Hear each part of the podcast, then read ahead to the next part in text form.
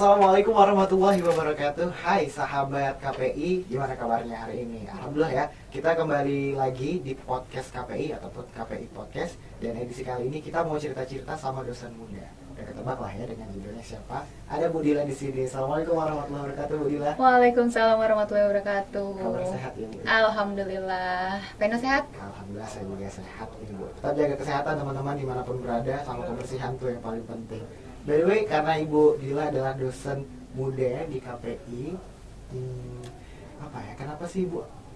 Pertanyaan pertama, kenapa sih Bu jadi akhirnya pengen jadi dosen nih di KPI? Oke. Pertama cerita jadi dosen itu saya 2016 pen. 2016 berarti udah sekitar 4 tahunan lah ya. Genap 4 tahun nanti bulan Oktober.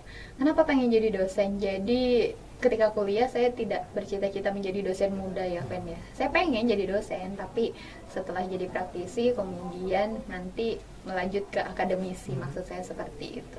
Tapi kok ya eh, karena pengalaman-pengalaman buat ngajar terus ada di depan kelas waktu presentasi itu ngerasa senang aja kalau dulu pengen jadi dosen tapi nantilah karena kita tahu kan mungkin pandangan teman-teman juga kalau yang namanya dosen itu udah yang mohon maaf usianya senior. Kemudian yang eh, secara udah kayak bapak sama ibu kita lah ya usianya. Jadi saya pengen nih jadi dosen tapi nanti.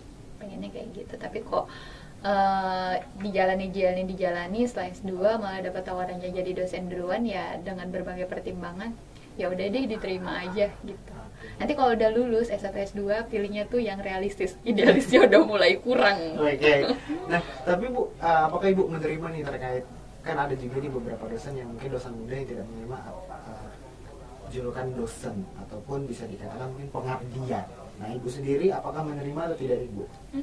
Jadi kalau secara keputusan menteri ya namanya udah dosen Iya, lah ya. benar. Tapi kalau eh, saya lebih senang kalau dulu kan awal-awal juga mungkin kalau teman-teman sering saya bilang kita ini di kelas tuh fasilitator. Oke. Jadi hanya menyampaikan eh, kalian tuh kalau mau belajar dapat ini nyarinya tuh di sini loh, di sini di sini. Nanti kita sampaikan materinya dari sini loh, dari sini dari sini.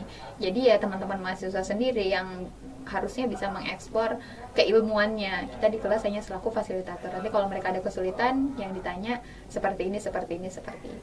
gitu. Waduh, ternyata uh, ibaratnya bilangnya adalah fasilitator masih masih belum mau juga dibilang dosen tadi ya Bu ya. Baik untuk ini sendiri Bu apa? Ya, kan Ibu juga kalau teman-teman KPI pada bilang, wah Bu ini deket, deket, deket banget sama mahasiswa. Kenapa sih Bu Ibu bisa deketin sama mahasiswa?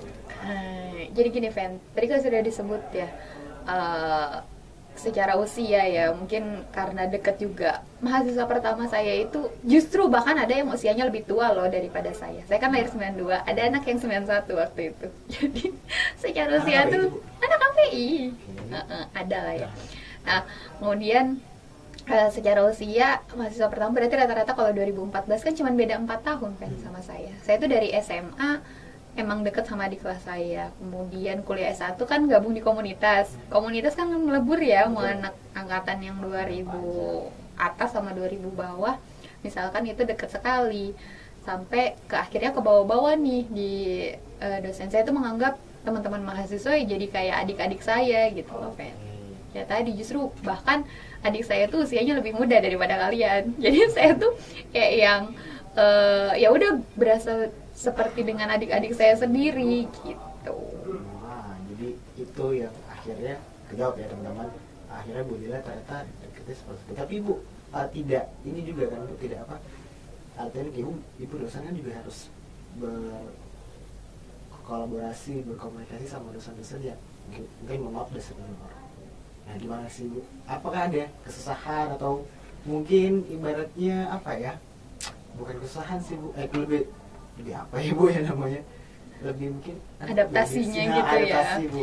Eh, itulah Fen kenapa saya juga tidak begitu menyasar di tempat saya kuliah dulu di komunikasi saya nggak mau tuh kalau disuruh jadi dosen di sana karena saya tuh masih sampai sekarang masih menganggap beliau-beliau itu benar-benar guru saya seperti ayah ibu saya gitu kan kalau di sini kan mungkin secara usia mungkin sama ya seperti ayah ibu saya awalnya juga saya bingung karena eh, ngerasanya dan di sana juga menganggap saya itu seperti anaknya gitu loh Fen Oh, jadi. Paham, jadi paham, eh, ya agak bingung saja tapi ke sini ke sini kan mungkin komunikasinya juga sudah berbeda kemudian banyak kegiatan-kegiatan yang melibatkan kita itu di posisi yang sama akhirnya ya waktu saja sih Waktu ya. Uh, uh, yang kemudian membuat saya jadi lebih uh, sudah seperti ya sama-sama dosen sekarang Wah, mantap, mantap, mantap, Bu. Sejarah ibu dong. Akhirnya menjadi dosen muda. Kan 2016 masuk nih di KPI. Berarti kan sebelumnya cepet banget nih ibu. Oke, saya tuh angkatan 2010 lah ya 2010. kuliahnya. 2010 kuliah, kemudian ya kok gini loh Fen, jadi ada satu cerita menarik ketika saya S1 saya itu pengennya normal lah ya, saya tidak mau terlalu mencolok anaknya emang gitu. Jadi pengennya normal kuliah lulus 4 tahun. Saya juga tidak berpikir untuk kuliah lulus cepet. Tapi kalau dulu UMY itu setiap tahun selalu membuat kalender duduk kalender akademik yang itu tidak pernah selisih tanggalnya pen waktu saya kuliah. Jadi kalau ditulis wisuda tanggal segini ya beneran wisuda tuh tanggal segitu. Nah di semester nah eh, semester 5 lah ya berarti tahun ajaran baru semester 5 itu keluar kalender akademik pen wisuda itu tahun 2014 itu tanggal 15 Februari. Yang mana itu saya ulang tahun pen Iya, iya, iya. iya. ya jadi akhirnya saya kenapa kakak ngejar? Saya pengen ada momen di saat eh, tidak semua orang mungkin bisa merasakan ketika wisuda ketika ulang tahun. Iya. itu salah satu motivasi terbesar saya yang akhirnya saya yang janjian dulu sama teman-teman. Saya empat tahun empat tahun saya mundur dari dari tim lulus empat tahun. Saya bilang "Eh, ini momen eh, wisuda pas ulang tahun saya bilang saya mau ngejar ini saya bilang. Akhirnya saya jalan gitu. Tapi menerima semua ibu. ya biasa aja sih Oh, teman-teman. Biasa. karena kami ngerjainnya bareng. Oke. kami ngerjainnya bareng. Ya eh, ya momen lah ya karena kita deketnya itu bukan karena maksudnya ya dengan pendapat kamu ya kami terima gitu. Itu S1 kemudian S2 jujur saja kok S2 tuh mahal fan karena beasiswa ayah bunda. Akhirnya akhirnya semester 1 2 waktu itu ditarget sih. Bukan ditarget ya orang tua waktu awal mau kuliah S2 tuh ditanya kira-kira akan habis berapa? Saya ngitungnya 4 semester waktu itu fan tapi kok eh, kemarin ada dua pilihan saya masuk di UIN 4 memperhatikan kurikulumnya. Semester 1, 2 ternyata di UNPAD itu hanya dua semester mata kuliahnya pen masuk semester 3 kalau kamu tidak mengulang eh, kamu akan bisa fokus di tesis akhirnya selesailah itu tiga semester Tuh. Itu cepat banget ya bu. Em, ya lumayan sih Tapi akhirnya bu dari eh, sudah menjadi dosen hampir empat tahun, eh, apa nih yang sudah ibu rasakan perbedaannya ibu jadi oh mahasiswa kan kayak langsung blek gitu, ibaratnya langsung jatuh lah ibu ya. Eh, banyak kagetnya sih, Fen. Banyak kagetnya. Pertama, kalau dulu kan saya mahasiswa termasuk anak yang eh, apa ya bahasanya mungkin hanya seperti mahasiswa kebiasaan gitu ya. Ya ke kampus, kemudian organisasi, kemudian melihat teman-teman saya yang eh, ada namanya tapi nggak pernah masuk kuliah, kemudian masuk kuliahnya tuh mungkin cuma Senin Kamis, misalkan kayak gitu masuk kuliah puasa misalkan kayak gitu akhirnya eh, ya dulu cuman menganggapnya kok kayak gini sih kayak gitu. Tapi setelah menjadi dosen tuh saya kaget ternyata masalahnya mahasiswa tuh banyak banget.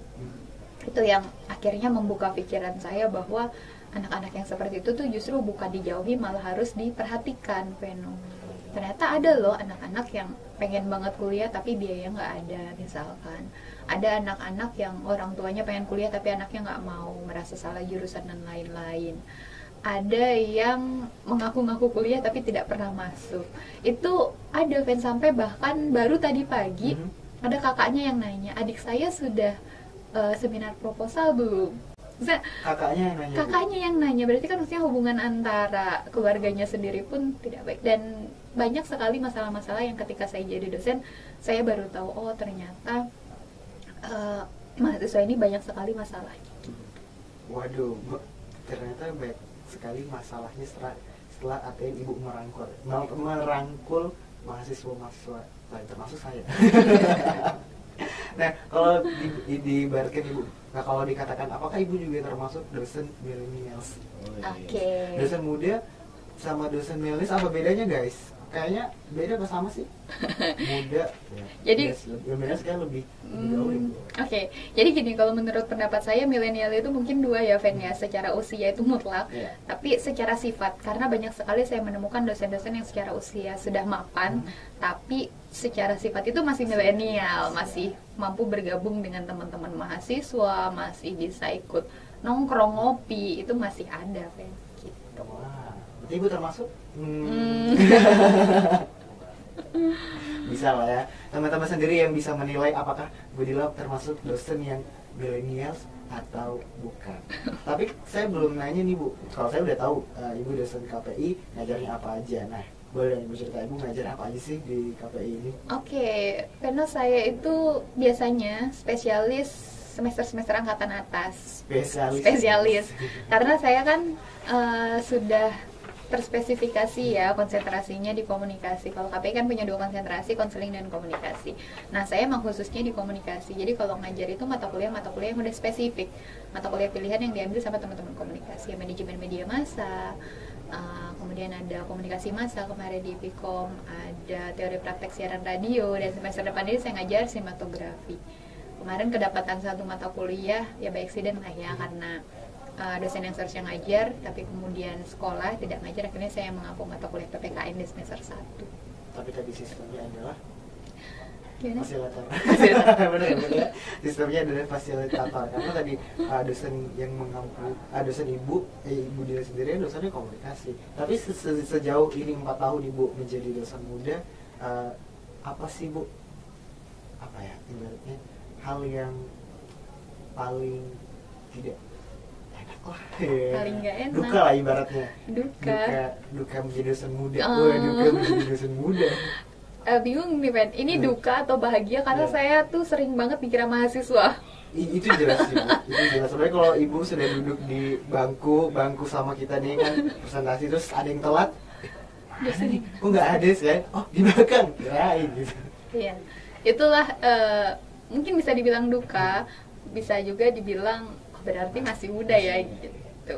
Ya kebanyakan itu sih Fen karena saya rasa mahasiswa KPI juga nggak ada yang terlalu inilah ya sama dosen yang lebih muda masih tetap hormat. Jadi saya tidak merasa kesulitan ya begitu. Itu aja sih nggak tahu ya Fen itu duka apa enggak tapi kalau ya duka mana tapi kalau ibu cerita di duka berarti masuk ke duka dong. Oh iya. Nah susah nggak sih bu ngajar uh, anak millennials dari tahun saya sampai akhirnya mungkin sekarang udah 2000 anak 2000 udah masuk kuliah. Beda ya Fen ya. Saya memang merasa lebih mudah mengajar teman-teman yang usianya lebih dekat. Mungkin karena secara apa ya latar belakang apa yang kita rasakan dulu mungkin hampir sama lah ya cuman beda empat tahun. Mungkin kecil-kecilnya itu besar dengan Doraemon dan lain-lain itu mungkin masih sama lah ya.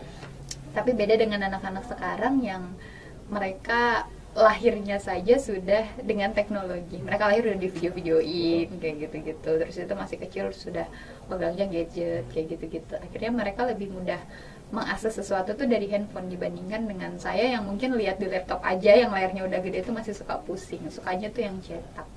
Tapi ya akhirnya beda. Akhirnya kita nggak bisa marahin. Misalkan ada mahasiswa yang presentasi tapi lihatnya di handphone. Karena kadang slide-nya tuh ada di handphone Oke. gitu loh Fen kalau kita kan dulu mikirnya kalau mereka pakai handphone ini googling ya pasti ya. Dipikirnya kan seperti itu tapi sekarang ternyata beda. Apa apa diakses lewat handphone. Jadi ya kita juga butuh penyesuaian sih hal-hal yang seperti itu. Berarti kalau ibaratnya susah pemirsa ya kalau misalnya kita sesuaiin dengan perkembangan teknologi bisa bisa bisa, bisa. tapi kalau ibu sendiri ibu melihat dari uh, senior Hmm. gimana sih menurut ibu untuk uh, mahasiswa yang mungkin sekarang millennials banget dah. Tadi kan apakah dosen KPI rata-rata juga? Millennials. Bu? rata-rata mayoritas sih ya jadi dari 13 dosen itu tidak banyak. Tapi saya merasa kalau teman-teman dosen KPI belajarnya ya mau gitu membuka eh, membuka apa ya, membuka pikiran dan pandangan bahwa sekarang ya sudah zamannya seperti itu. Apalagi mungkin karena tuntutannya. Kita kan di komunikasi Fen. Sudah pasti ketika perkembangan teknologi komunikasi seperti itu kita juga mau tidak mau harus beradaptasi. Dan semua dosen KPI ya sadar soal itu gitu. Emang mau nggak mau ya harus nih kayak gini. Betul.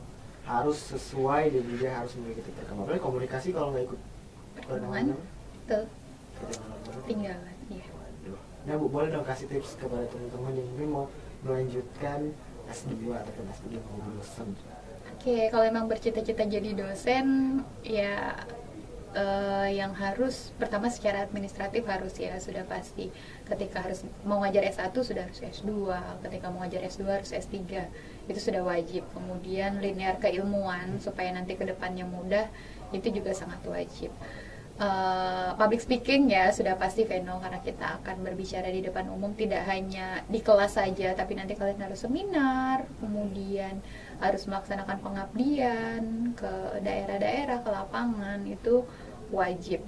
Ya nggak malu kemudian terus belajar karena namanya juga ilmu itu terus berkembang ya. Mau apa saja sih harus uh, up to date lah ya bahasanya seperti itu. Dan lain-lain biasanya menyesuaikan lah ya menyesuaikan dengan kalau administratif itu menyesuaikan dengan kampus yang ingin dituju dan yang terakhir apa ya kalau inginnya jadi dosen muda ya mau nggak mau kuliahnya harus cepat selesai tapi kalau mau jadi dosen saja tanpa embel-embel muda Mhm. didikmatilah banyakin pengalaman kalau menurut saya Oke, itu ya uh, tips dari Bu Dila. Uh, di pikiran saya melintas nih Bu, selama Ibu menjadi dosen 4 tahun, hal yang menarik yang Ibu jumpai ataupun Ibu temui di dosen apa? apa ya yang menarik ya karena banyak banget kan yang Hmm. menarik saya bingung kalau disuruh milih satu saja apa ya Em, mungkin karena kita ber berkomunikasinya atau berinteraksinya dengan teman-teman Hmm. mahasiswa sebenarnya dosen yang usianya senior pun masih terlihat muda karena interaksinya selalu dengan teman-teman yang muda Ya, jadi aura mudanya kelihatan. terus nah ini tipsnya juga nih untuk teman-teman yang mau jadi uh, dosen ya, dosen muda ataupun ya dosen ibaratnya pengalamannya dong, ayo yang mau jadi dosen S2 S3. Tapi Ibu mau melanjutkan S3 ya, Insya Allah. wajib Pertanyaan adalah wajib karena WMI mewajibkan Bu ya. mewajibkan semua dosennya S3 jadi eh, satu informasi juga bahwa UMI ini sekarang sudah tidak menerima S2 sebagai dosen kalaupun ada itu pasti dengan pertimbangan yang berlapis-lapis mungkin ya tapi eh, saya itu termasuk angkatan-angkatan terakhir yang boleh S2 dan sekarang yang masih S2 ini udah mulai dikejar-kejar Untuk dikejar-kejar untuk S3. lanjut S3 Oh. Pesan dong Bu untuk millennials anak sekarang nih yang mungkin lagi dengerin ataupun lagi nonton YouTube kita. Oke untuk teman-teman KPI Podcast ya yang mendengarkan apa pun profesinya ya mau dosen atau tidak memang benar-benar harus ditekuni. Itu sih yang penting jangan lupa berdoa dan eh, restu dari orang tua itu nomor satu menurut saya. Tuh, denger ya, jangan sampai tadi ada anaknya apa kuliah uang uang kuliahnya di store terus tapi di, di WhatsApp sama abangnya atau orang tua yang WhatsApp bu anak saya udah seberapa belum? Anak saya udah kuliah belum? Nah ini harus diperhatikan lagi teman-teman. Terima kasih yang sudah dengerin juga nonton podcast KPI KPI podcast. Kalian bisa lihat dan juga bisa dengerin di Spotify. Kalau ke YouTube boleh di ke KPI UMY official ya guys. Official KPI Eh, official KPI. Bu, Ibu yang lebih tahu guys. Terima kasih, jangan lupa like, komen, dan subscribe. Boleh di komen uh, apa nih yang menarik untuk kita bahas selanjutnya. Vero pamit, terima kasih Bu Dila. Sama-sama Veno Kita bahas lagi hal-hal yang menarik lainnya. Jangan lupa untuk selalu berilmu, beradab, dan berdaya guna. Assalamualaikum warahmatullahi wabarakatuh